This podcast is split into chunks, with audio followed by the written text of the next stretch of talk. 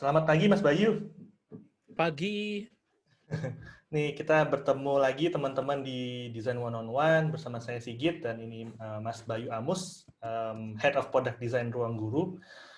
Pagi ini kita akan belajar soal design leadership, um, kelanjutan dari episode pertama ya bersama Monica Halim. Mungkin kita ingin uh, ngobrol lagi lebih lanjut dari perspektif yang berbeda gitu dari dari Mas Bayu. Um, Mas Bayu ini sebelum di Ruang Guru uh, di Traveloka ya?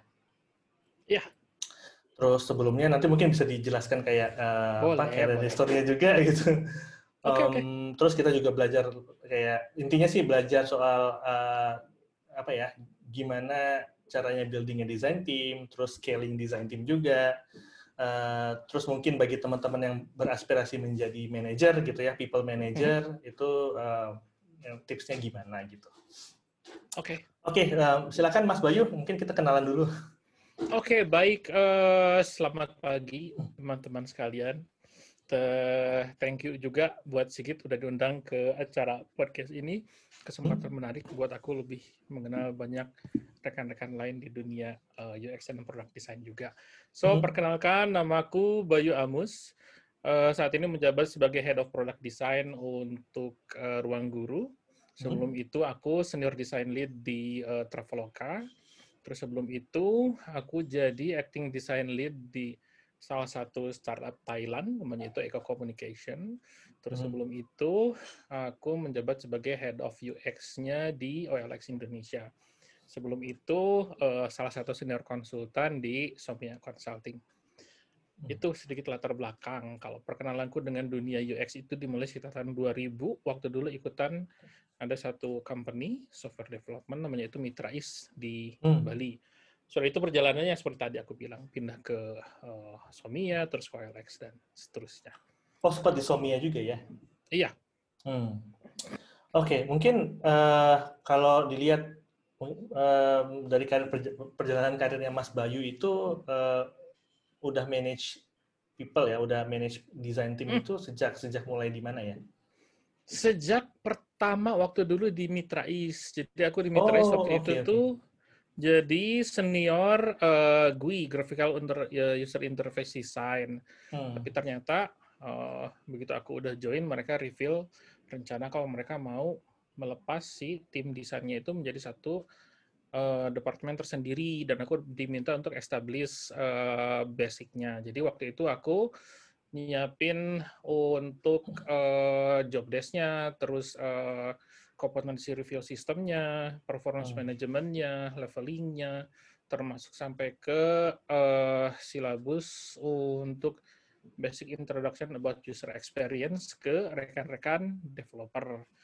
Itu pertama waktu di Mitrais. Dan sesudah itu ya eh, alhamdulillah memang pengalamannya selalu dalam hal membangun tim Hmm. dengan kondisi eh, kondisi organisasi yang berbeda-beda. Makanya Mhm. tadi menarik waktu eh, Sigit bilang bahwa barangkali yang beraspirasi untuk Iya. menjadi design lead atau people manager, Hmm. Nah, itu nanti akan aku bahas juga reveal Mhm. bahwa setiap organisasi itu kalau kita bicara mengenai kematangan organisasi ya entah itu Hmm. dari Nielsen atau dari sumber lain yang bilang eh, UX maturity-nya itu seperti apa. Nah, ini challenge-nya Hmm, beda-beda hmm. dari masing-masing level. Itu bisa aku share. Ya. Oke, itu di Mitrais itu tahun berapa dulu ya, Mas? Mitra itu se 2009 mulai. Wah, lama banget ya. Nah, mungkin eh, se- Lumayan, sebelum lumayan. kita sebelum kita menggali lagi soal leadership itu pengen tahu kayak perbedaan ya pasti kan maturity level UX di. Indonesia itu de- tahun 2009 sampai sekarang tuh beda banget ya. Ya. Itu challenge-nya dulu sama sekarang bedanya apa ya, Mas ya? Oke, kalau challenge-nya 2009 itu waktu itu seingatku nggak ada company yang eh, klaim bahwa mereka mempraktekkan UX design. Hmm. kecuali mungkin di eh, mungkin selevel telkom kali ya udah cuma waktu itu mereka nggak announce lah jadi pada saat aku waktu itu bergerilya di LinkedIn tuh cuma ada beberapa nama yang muncul Udah ada LinkedIn dulu ya? ada nah itu kepake banget jadi kontakin eh, apa praktisi-praktisi UX yang asalnya itu dari Indonesia Hmm. Nah, di situlah ketemu sama uh, Sulis yang terus kemudian bikin Sominya. Oh, terus okay, yeah. sama uh, Boris sekarang di Gojek. Hmm. Terus sama uh, Konita. Konita juga Konita. pernah di Traveloka dulu. Gitu. Hmm. Terus dari situ kita ngobrol-ngobrol. Uh, eh, gimana nih kalau kita ngumpul untuk bisa sharing knowledge juga sama yang lain. Nah, hmm. mulai itu jadi bibit-bibit dulu terbentuk uh, eh, USID sampai sekarang kemudian jadi uh, organisasi itu tuh udah uh, uh, jalan sendiri. Saya Awalnya dulu di situ waktu di Bali. 2009 saya masih jadi junior designer. Ah, I see. Terus 2014 tuh pertama kali ikut meetup UXID. Tapi masih yang uh, di kantor apa tuh? Magnifate ya, lupa. Oh, oke okay, oke. Okay. Mm. Ya, kecil yang banget. Yang di Binus ikut yang di Binus. Enggak, itu cuman uh, itu cuma sesi itu aja terus itu di situ ketemu Sulis, uh, Konita, uh, hmm. saya lupa siapa lagi. Pokoknya ada beberapa lah. Ya ya. Nah terus kalau tantangan dulu karena belum banyak yang kenal, jadinya yang sulit itu memasarkan. Eh gue punya service UX nih gitu. Ya ya. itu termasuk uh, susah waktu. Kemudian akhirnya Sulis balik ke Indonesia. Tuh kita jadi bisa fokus di Somia untuk introducing service-nya ini. Hmm. Dan karena networknya sulit juga bagus, jadi waktu itu langsung boom itu. Yang tadinya kita mau aiming, oh ini kayaknya cocok buat market Australia deh, kita mau remote.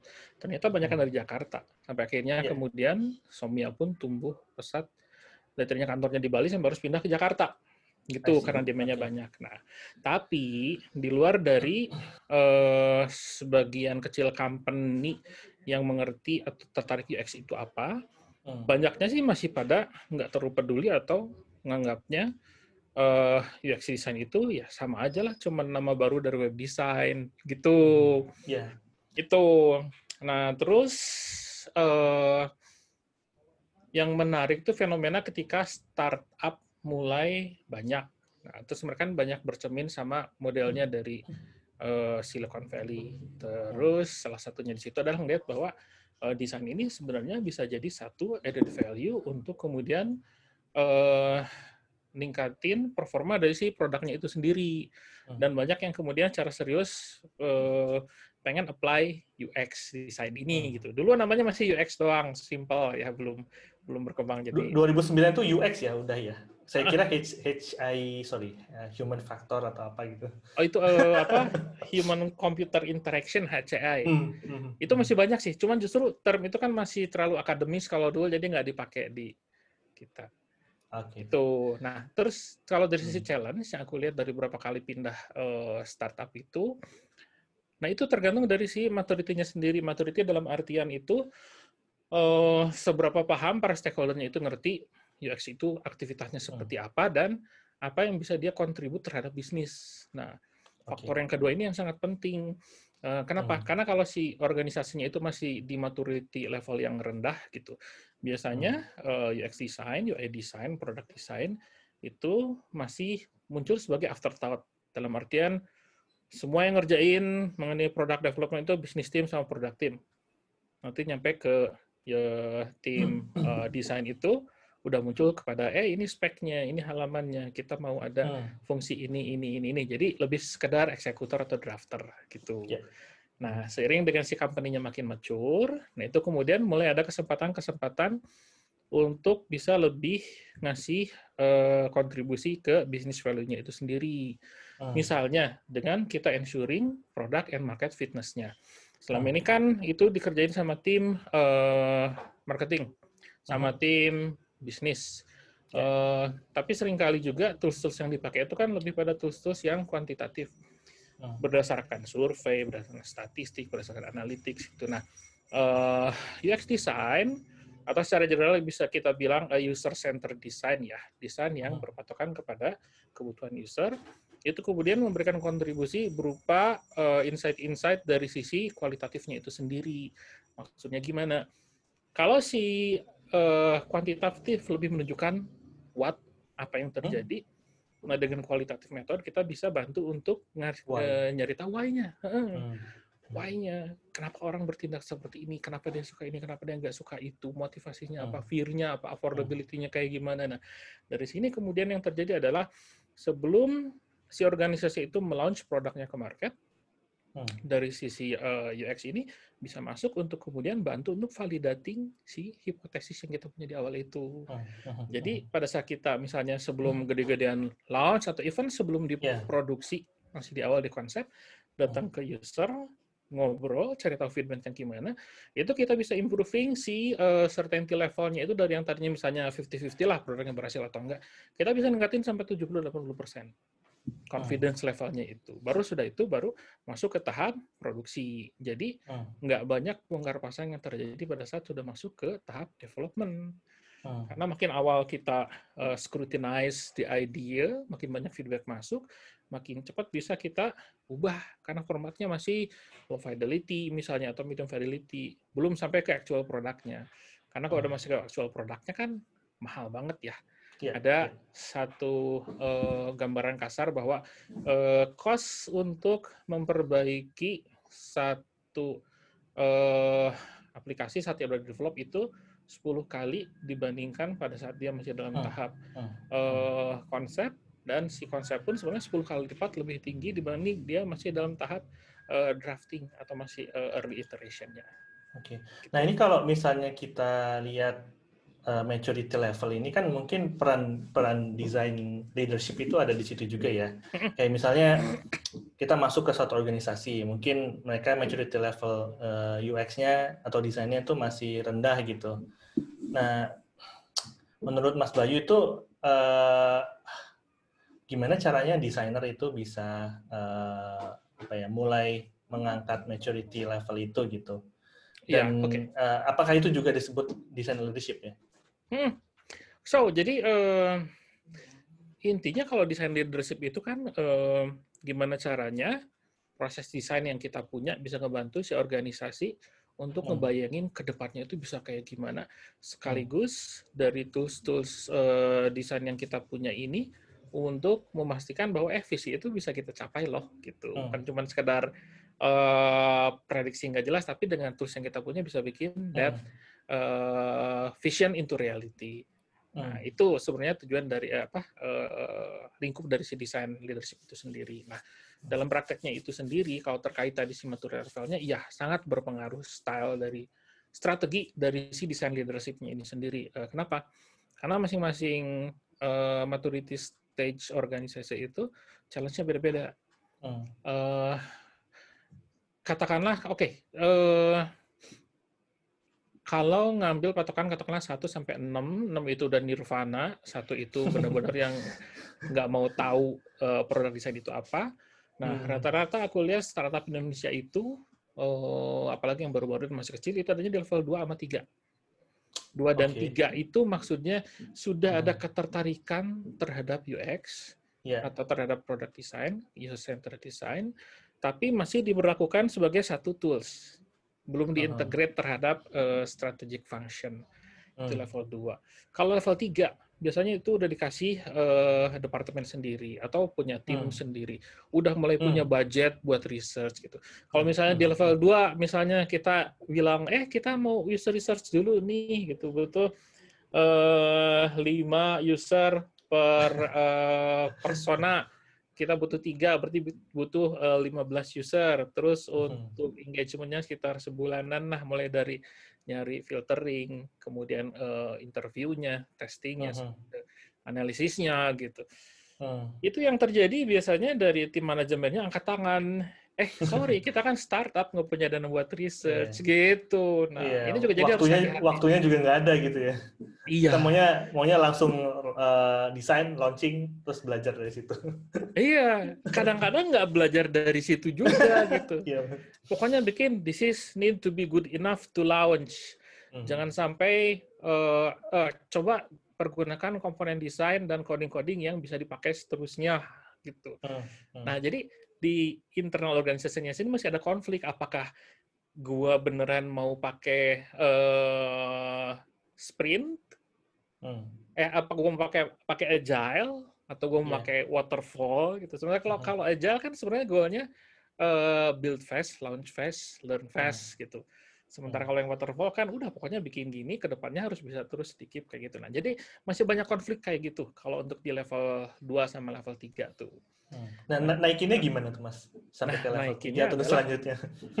Oke, jadi harus kita mengerti eh, walaupun kita punya tools-tools yang keren kayak misalnya eh, design thinking, ada six steps, Hmm. terus ada eh, design sprint, banyak halnya kita harus bisa ngerti dulu kekhawatiran sama ketakutan dari si stakeholders-nya itu apa. Hmm, hmm. Kalau misalnya dia masih belum percaya, UX bisa ngasih contribution. Itu bakalan susah banget untuk ngasih eh, untuk minta eh, apa untuk minta budget. Nah, jadi yang terjadi pertama adalah kita harus dapetin trust dia dulu untuk hal-hal yang sederhana. Kalau yang berhasil sama aku berapa kali coba itu dengan ngelakuin user research. Jadi waktu dibilang kita nggak ada dana buat user research, namanya juga startup gitu ya. Akhirnya aku inisiatifnya Oh ya udah kalau misalnya aku dompleng tim lain, misalnya tim marketing atau tim sales atau tim eh, customer support saat misalnya eh, user ada masalah, boleh nggak ikut aku sekalian nanya-nanya, oh boleh, ya udah akhirnya itu aku pakai jadi ajang untuk eh, interview, the point gitu ya. ya sekaligus Hmm. untuk testing ini juga kalau misalnya kita punya ide-ide produk baru yang masih simpel gitu. Jadi nanti pertama tim marketingnya atau tim eh, supportnya udah beres, ya udah aku dapat Hmm. waktu 15 menit dengan para Hmm. stakeholders company-nya itu. Ya udah tanya segala macam lah, ngelakuin Hmm. card sorting kayak apa, kayak apa, kayak yang penting kita balik dapat insight.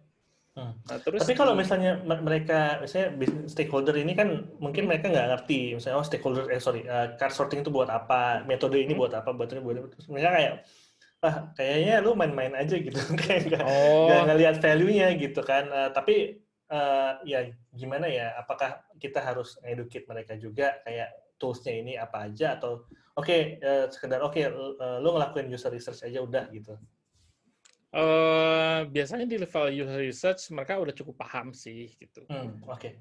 kalaupun misalnya nanya, paling aku jelasin lagi. Kita mau eh, gathering, insight gathering. Jadi dari produk yang udah kita punya sekarang, si user itu sebenarnya nemu masalahnya di mana dan kenapa. Hmm. Kenapa? Karena insight dari actual user dengan insight dari eh, katakanlah company representative itu biasanya beda Hmm. kadang dari sisi bisnis ngelihatnya oh masalah kita gini gini gini gini ternyata pada saat ketemu si usernya langsung eh masalahnya beda bukan itu sebenarnya gitu nah jadi dengan kita cari tahu langsung nah itu bisa dipresentasiin kemudian ke stakeholdersnya bahwa eh pada saat kita visit kemarin kita nemu insight ini loh ini ini ini ini ini ini dan ini Hmm. terbukti misalnya kita udah cross check juga dengan tim uh, bisnis analytics-nya misalnya bahwa Hmm. emang ada masalah penurunan konversi di sini sini sini sini sini nah itu yang kemudian walaupun si stakeholdernya mungkin masih rada rada ragu-ragu cuman karena eh, nggak usah leap of faith gitu tiba-tiba ngeluarin budget 20 juta, 30 juta buat research, tapi as simple as that, terus bisa kita masukin ke produk, mereka biasanya mau dengar. Jadi itu intinya. Kita harus understanding eh, minimum effort yang bisa kita keluarin, kita bisa lakuin untuk bisa dapetin eh, apa clarity dari user itu kayak apa.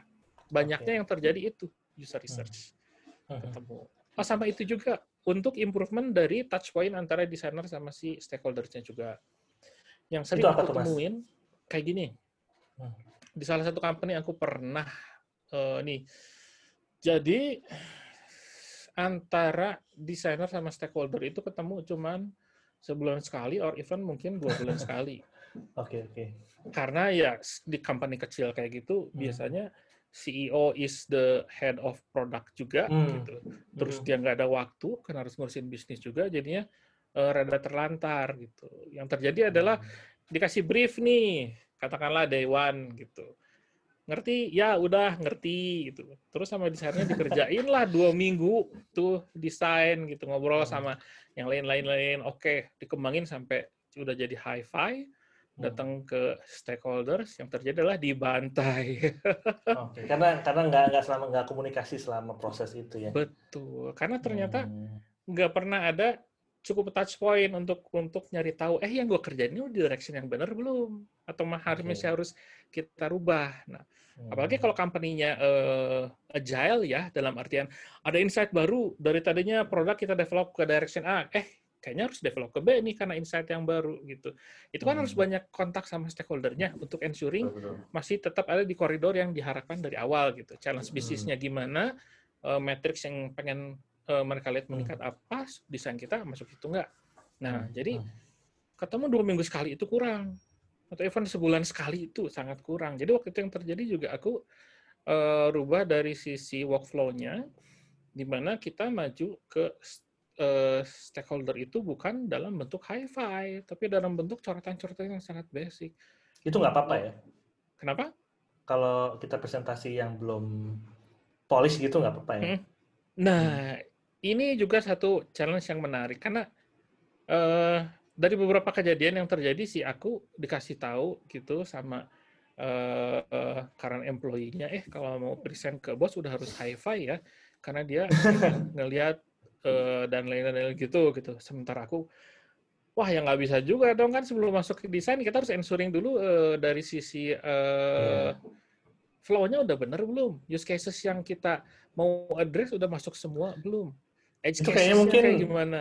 Mungkin kayak desainer itu uh, bukan penyakit ya, tapi kayak um, kita tuh cenderung nggak pede yeah. gitu kalau nggak presentasi sesuatu yang udah bagus gitu. Padahal harus ditarik ke awal dulu. Sama kayak dokter kan nggak bisa tiba-tiba eh ini resepnya. Hmm, hmm, hmm. Oke hmm. oke. Okay, okay. Walaupun si uh, CEO-nya bilang pertama gitu, gua batuk nih gitu. Terus uh, sakit dada kalau batuk. Terus kita kan nggak, dokter kan nggak tiba-tiba, oke okay, resepnya ini pak. Dokter kan nggak akan dicek dulu batuknya kayak gimana pak, suaranya kayak gimana, coba saya dengerin, coba dengerin hmm. dulu pakai stetoskop paru-parunya seperti apa, sakitnya tuh sebelah mana, terjadinya kayak gimana dan lain-lain. Nah, jadi yang terjadi kemudian untuk si desain leadership ini untuk bisa facilitating komunikasi itu ya kasih understanding ke stakeholdersnya. Eh kita mau hmm. ensuring dulu nih kita on the right direction persen hmm. dulu si user flow-nya, persen dulu use cases-nya. Pada saat hmm. si uh, stakeholder ngeliat, oh oke okay, kita mau gerak sini sini sini. Jadi dari use cases-nya kita dari yang uh, tujuh dipresentasikan, jadi kita mau tiga deh, tambah dua yang lain yang gua rasa perlu tapi belum masuk di situ. Next-nya dari si flow-nya itu udah masuk ke wireframe-nya. Jadi dari flow yang kemarin nih, kita mau bikin wireframe-nya gini, gini, gini, gini, gini, gini. Udah itu, next, tunjukin wireflow-nya seperti apa. Tapi kalau di startup kayak mereka tuh, aduh, ngapain sih pakai wireframe, pakai gini, gini. Udah langsung aja UI-nya gitu. Itu kalau di startup kan beda banget tuh. Nah, itu emang satu challenge yang rada nyebelin sih, dalam artian Nah itu tadi kalau misalnya maturity levelnya masih uh, belum okay, okay. tinggi, kaitannya ya, ke situ ya. Ya, gitu. Hmm. Jadi bisa jadi kalau misalnya oh proyek-proyeknya simple kok gitu. Uh, apps lain juga udah pernah ngerjain, ya udah nggak usah uh, rely pada user research, tapi lakuin benchmarking.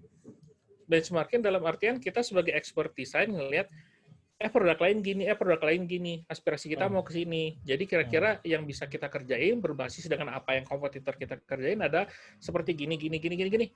Nah, udah itu user testing dengan konsep yang kita baru ini kira-kira si user seberapa setting. Atau okay. even kalaupun misalnya belum ketemu masalah desainnya, bahwa si desain kompetitor itu tes sama target market kita. Menurut mereka gimana? Apa yang perlu diimprove? Oke. Okay. Jadi key-nya itu tetap adalah ngobrol sama user. Apa pun caranya ya. Ya, research, mau uh, usability testing, pokoknya Interview, ngobrol sama ya. user. Hmm. Ya.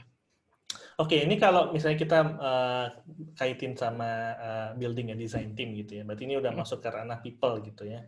Oke. Okay. Di dikaitkan dengan maturity level ini, uh, di di tahap mana kita bisa mulai membangun tim itu, mungkin hiring uh, okay. secara agresif mungkin ya. Oke. Okay. Atau mulailah uh, mungkin. Hmm.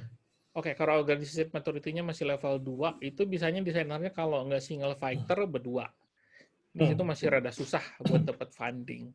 Hmm. Terus kalau belajar dari pengalaman uh, dari Nielsen atau yang lain, mereka bilang bahwa paling nggak butuh waktu dua tahun dari satu organisasi dari yang tadi level 2 untuk naik ke level 3. Antar 2 sampai 3 tahun. Gitu. Oh, lama ya? Hmm. Lama. Kenapa? Hmm. Karena yang harus dirubah kan kulturnya kultur sama hmm. proses bisnisnya itu sendiri untuk involving si UX-nya. Oke, okay, oke. Okay. Gitu. Nah, ini juga jadi satu satu uh, satu wawasan yang menarik buat rekan-rekan yang masih baru mau terjun ke hmm. uh, dunia uh, desain produk desain ini bahwa harus dimengerti dulu si company yang kita lagi mau lamar itu ada di level mana. Jadi kita nggak kemudian jadi apa terkejut. Oh ternyata di dalamnya kayak gini. Oh ternyata mereka nggak ngerti design thinking segala macam. Nah itu harus di prepare. Terus kita jadi kecewa gitu ya? Ya gitu. Dan itu okay. juga yang sering uh, terjadi. Aku kan volunteering juga di LinkedIn tuh untuk uh, untuk konsultasi gratis untuk uh, apa mentoring karena selama aku daftar, selama aku ngelamar sana sini, zaman-zaman masih rajin ngelamar gitu, ternyata masalahnya hmm. rata-rata mereka nggak punya senior design leadership karena masih di level 2, paling bantu level 3. Nah, itu masih perlu banyak bantuan, nggak bisa junior designer yang kemudian bikin strateginya gimana. Harus dibantu visi dari seorang yang udah pernah di sana. Jadi, uh, that's why it happen. Aku ngelihat ada satu uh, kesempatan untuk kebantuin rekan-rekan di situ. Nah, jadi hmm. siap-siap cari tahu si organisasi ini maturitinya di level mana. Jadi kita bisa nerapin taktik yang sesuai.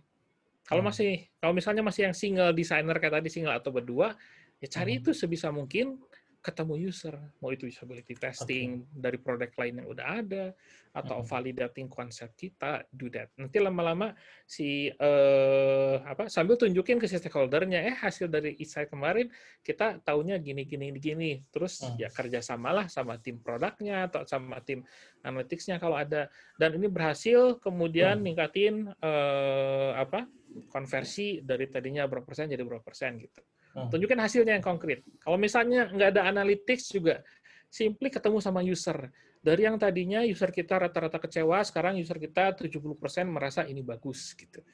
Always cuman, balik cuman ke metrics. Ngasih hasil wawancara juga nggak apa-apa ya? Kayak nggak apa-apa. Usernya. Okay. Karena atau masih di level itu juga kita masih berusaha untuk ngasih tahu ke si stakeholder, eh kita hmm. bekerja dengan cara ini dan feedbacknya valid loh. Gitu. Oke, okay. nah ya misalnya tadi uh, masih ada dua desainer atau tiga desainer gitu ya. Hmm. Terus kita udah di uh, udah dipercaya untuk uh, hire desainer lagi gitu okay. kan, misalnya udah bangun desain tim itulah. Entah kita sebagai leadnya atau kita bantuin leadnya gitu. Yep. Kira-kira uh,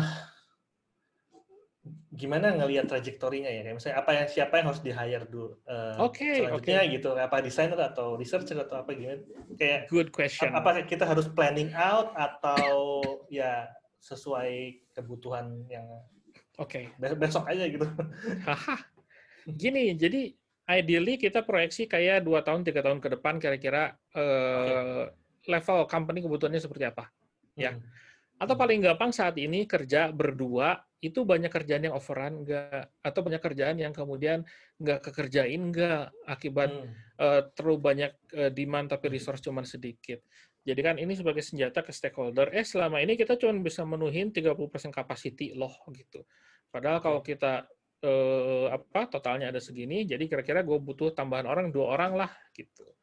Jadi uh, pakai measurement pada saat kita mau uh, propose untuk penambahan uh, resource atau staff ya. Katakanlah oke okay, di approve, oke okay, kita hire dua orang, cari yang seperti gimana? Ini perlunya di map out current hmm. team itu seperti apa. Apakah end to end? Makanya pakai hmm. istilah kayak product designer atau UI UX hmm. designer gitu. Atau hmm. specialized. Specialized itu ada design researchers, ada interaction hmm. designer, ada UI designer, ada copywriter, ada uh, eh, UI developer. Nah, lihat mana atau kalaupun hmm. misalnya eh, katakanlah belum pakai gelar-gelaran dari existing existing uh, tim yang ada, kuatnya di mana? Hmm. Apakah kuatnya di research? Apakah kuatnya di turning research into insight? Apakah yeah. kuatnya di turning insight into design concept atau dari design hmm. konsep menjadi visualisasi? Okay. Yang kira-kira masih missing di mana nggak itu yang dicari. Jadi nanti complementing each other kerjaannya. Berarti memang harus ada kayak dokumen planning gitu ya, kayak maunya kayak gimana gitu ya. Oke. Okay. Uh, Oke. Okay. Terus kan kita suka lihat nih startup udah ada VP of Design langsung atau Head of hmm. Product hmm. Design langsung. Itu kapan sih ya perlunya seperti itu yang level strategis gitu? Oke. Okay.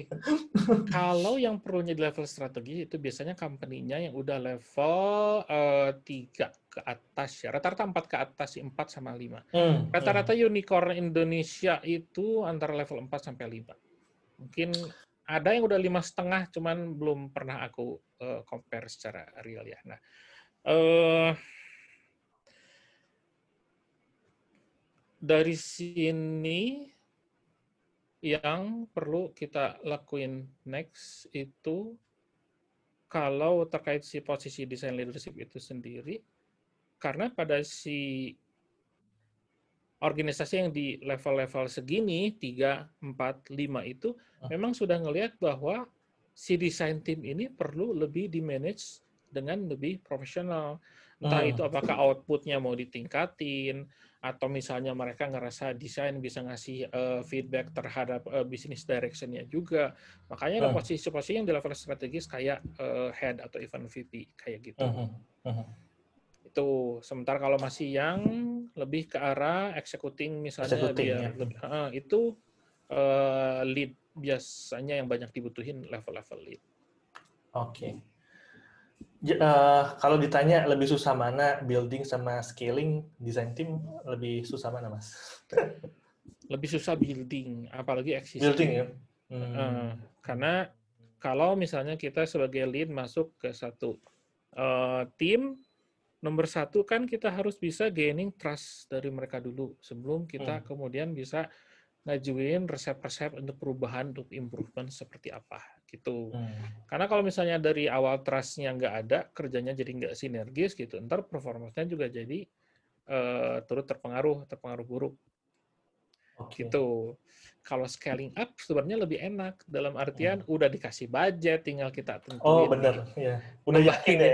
iya, mau ke arah mana gitu. Hmm. Jadi scaling itu baru bisa terjadi kalau uh, dari sisi produktivitas dari sisi produktivitas sama kualitas dari existing team itu udah bisa kita manage kita improve. Uh, jadi gini sering kali kita nggak akan diminta untuk scaling dulu tapi untuk improving what existing dulu. Kecuali kalau yang existing misalnya udah pernah ada yang level lead-nya atau senior desainnya dan uh, dari sisi kompetensi udah bagus udah siap di scale up nah itu uh, beda cerita. Cuman biasanya itu kalau tugas pertama lead ensuring dulu dari tim yang ada itu sudah mencapai kompetensi yang maksimal sama produktivitas yang optimum. Hmm. Oke, okay. ini uh, kalau misalnya ada teman-teman yang aspiring gitu ya untuk jadi people manager gitu ya. Saya tahu uh, mungkin teman-teman juga udah tahu kalau ada track IC gitu yang individual contributor sama manager kan. Nah, Uh, banyak yang mungkin mikir kalau misalnya gue pengen jadi lead gitu, gue pindah ke startup aja karena mungkin lebih peluangnya lebih besar gitu. Uh, kalau di hmm. korporat gitu mungkin lebih susah naiknya gitu kan. Nah, pengalaman Mas Bayu hmm. enaknya gimana ya? Atau itu tergantung masing-masing orang? Uh, gini, mau opportunity to grow atau opportunity doang? Iya. Kalau misalnya strukturnya sudah uh, udah kuat ya, kayak misalnya di aku ngambil contoh Traveloka kemarin, hmm. kita uh, salah satu foundernya uh, Albert itu kan termasuk uh, apa chief design officer-nya. Terus masuk juga Amel, gitu. Amel dari IDEO sebelumnya. Jadi dari sisi proses, dari sisi uh, mentoring, dari sisi uh, even kita disupport kayak misalnya uh, untuk ketemu sama psikolog misalnya itu disupport. Jadi dari sisi sistem itu udah bagus, kita tinggal belajar oh dari sini sini oh dari sini situ oh dari sini situ gitu nah cuman eh, di company yang udah strukturnya kuat kayak gitu kemungkinan untuk kemudian naik level memang lebih terbatas Hmm, hmm, ya hmm, gitu. karena everything run by the system misalnya gitu. Untuk uh, desain manager perlu pengalaman paling nggak 12 tahun untuk hmm. di bidang UX misalnya gitu. Nah sementara kalau di startup ya? ya beda requirementnya. Nah sementara kalau misalnya di startup startup yang lebih kecil gitu yang mungkin mereka masih uh, ya let's see if it work lah kita perlu desain lead gitu. Yang dari sisi job desk sendiri mereka masih belum terlalu sure harus ngapain gitu. Nah itu kesempatan yang bagus untuk kemudian uh, membawa perubahan si company-nya itu uh, building as it grow sekaligus juga, sekaligus juga kesempatan buat kita punya privilege untuk exploring the unknown. Hmm. Kalau di company yang udah rigid dia udah strukturnya bagus itu kan sedikit banget unknown-nya itu gitu. Nah, sementara kalau di, di company yang masih kecil, masih fluid, startup startup yang baru gitu, misalnya ah, gue tertarik pengen nyobain juga ke arah uh, product management nih. Jadi ngadain uh, project-project atau role-role yang kemudian lebih uh, apa ikut terlibat ke sana gitu. Itu masih sangat bisa karena itu tadi opportunity masih terbuka lebar, kemudian kemungkinan uh, intrapreneurship-nya juga hmm. ngembangin divisi kita di dalam company itu seperti apa itu masih terbuka lebar. Intra berarti ke dalam ya? Ya. Oke, okay. oke. Okay. Berarti ada juga ya entrepreneurship tapi yang di dalam gitu ya? ada, ada, ada. Ada ya. Hmm. Oke, okay, ini uh, mungkin ada yang banyak yang nanya juga misalnya uh, what does it, what, what does it take to be a design leader gitu. Kayak kualitas-kualitas okay. apa yang harus di yang kita kembangin di dalam diri. Oke, okay. yang pertama hmm. harus ngerti uh, goal dari desain proses itu apa. Hmm. Terus kedua, uh, gimana mengkaitkan antara uh, desain proses dengan proses-proses lainnya di company tersebut. Entah itu uh, product manager itu kerjanya ngapain sih? Hmm. Terus developer itu kerjanya ngapain sih? Bis dev ngerjainnya ngerjainnya itu apa sih? Gitu. Hmm. Fungsinya di company. Terus ngelihat gimana desain bisa kemudian uh, helping the company move bekerja sama dengan si divisi-divisi lain itu. Jadi harus ada pemahaman yang uh, meluas di luar dari fungsi desain itunya sendiri. Jadi ngerti hmm. gimana gimana to communicate with the stakeholders. Nah, kemudian hmm. kalau internally, understanding uh, what it takes to create a good system. Sistem Bayangin apa, gini, hmm. bayangin gini, kita nganggap desain tim itu seperti apa? Apakah hmm. seperti misalnya uh, mercenaries yang masing-masing udah punya tugas sendiri, udah punya uh, area sendiri, terjun perang sendiri-sendiri, atau hmm. sebagai tim sepak bola misalnya. Hmm. Nah, kalau kita sadar bahwa desain itu ternyata tim sport, ya bukan individual sport, kita harus bisa melihat bagaimana uh, different role of the designers itu bisa saling memperkuat satu sama lain dengan ngatur strateginya itu sendiri. Misalnya dari sisi user flow-nya, eh user flow, dari sisi workflow, Hmm. Pertama, kita harus dat uh, dapat info dari PM itu apa sih? Apakah uh, udah masuk ke PRD, product requirement document, atau event hmm. sebelumnya ke BRD, bisa dikoreksikan atau apa. Nah, cari tahu. Terus cari tahu juga uh, kita bermain terbaik itu stylenya seperti apa. Nah, ini yang kemudian kemudian di enforce, oke, okay, style kita, kultur uh, kultur departemen kita adalah seperti ini, ini, ini. Nah, itu harus bisa hmm. di manage. Jadi harus kemudian nanti bisa ngarahin, eh, uh, lu kayaknya jago di bidang uh, visualisasi deh. Kayaknya oh. lu mulai sekarang belajar banyak untuk uh, eh, UI design atau visualisasi oh. atau uh, yang lain terkait situ. Nah, itu anggaplah jadi tim uh, penyerangnya gitu kalau di sepak bola. Nanti tentuin juga ntar gelandangnya siapa, backnya siapa, uh, kipernya siapa gitu. Jadi dengan understanding different role-nya ini, kita bisa oh. ensuring juga bahwa kita mainnya itu bersama-sama.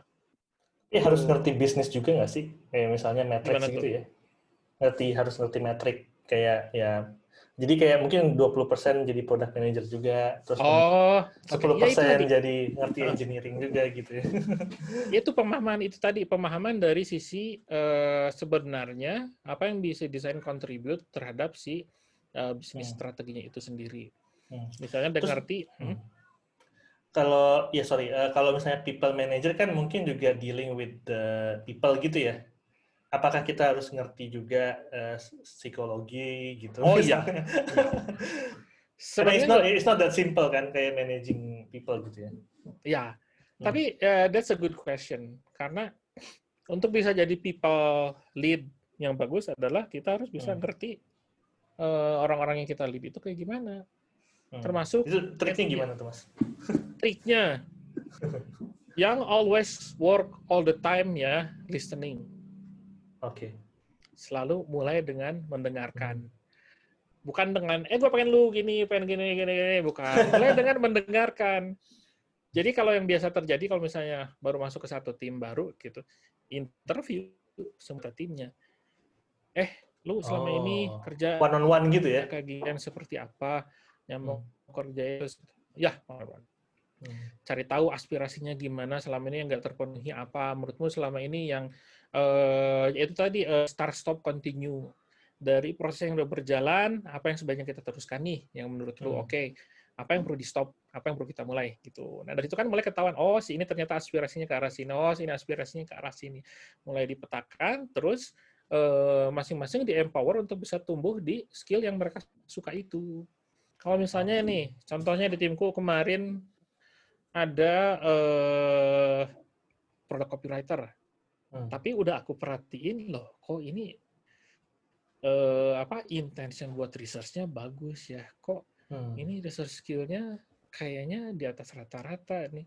Terus beberapa kali one on one ngobrol ketahuan oh emang dia punya aspirasi ke arah research. Jadinya gimana kita developnya? Oh, okay. Jadi bangun kalau misalnya eh, IXD atau misalnya desain researcher mau lagi hmm. ada yang research atau interview atau usability testing ikutan dia kita hmm. kita ajak masuk jadi dia terlibat entah jadi uh, entah jadi observer terus dimulai untuk bisa jadi fasilitator juga gitu nanti kan jadi dia punya skill set itu yang bahkan nanti bisa bantuin juga kalau memang diperluin itu hmm. atau misalnya ya aspirasi dia nantinya pengen jadi uh, desain researcher, ya udah kita dukung ke arah sana.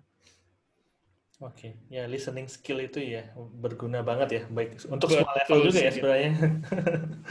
Selalu sih oh. itu uh, konsep eh konsep ramuan dasarnya tuh listening. Hmm. Hmm. Hmm. Oke, okay, ini mungkin uh, pertanyaan terakhir nih. Ya, uh, uh, kalau misalnya sekarang di di masa pandemi ini kan juga lebih sulit ya mungkin kerja ya. Hmm. Sebagai design leader, apa sih yang yang Mas Bayu udah lakukan untuk membuat tim Mas Bayu itu lebih lebih mungkin secure atau lebih nyaman atau ya mungkin solving the, any problem gitu. Dari sisi apanya? Dari kerjaan lah misalnya. Oke. Okay. Hmm. Dari sisi kerjaan ya mau nggak mau uh, kotak fisik tuh nyaris nggak ada ya. Sejak aku hmm. masuk ruang guru aja dua bulanan, itu belum pernah ketemu tim belum pernah ketemu okay, langsung sama sekali. Hmm. tapi jadinya kita gunain uh, tools-tools yang ada untuk ensuring si komunikasi itu tetap jalan.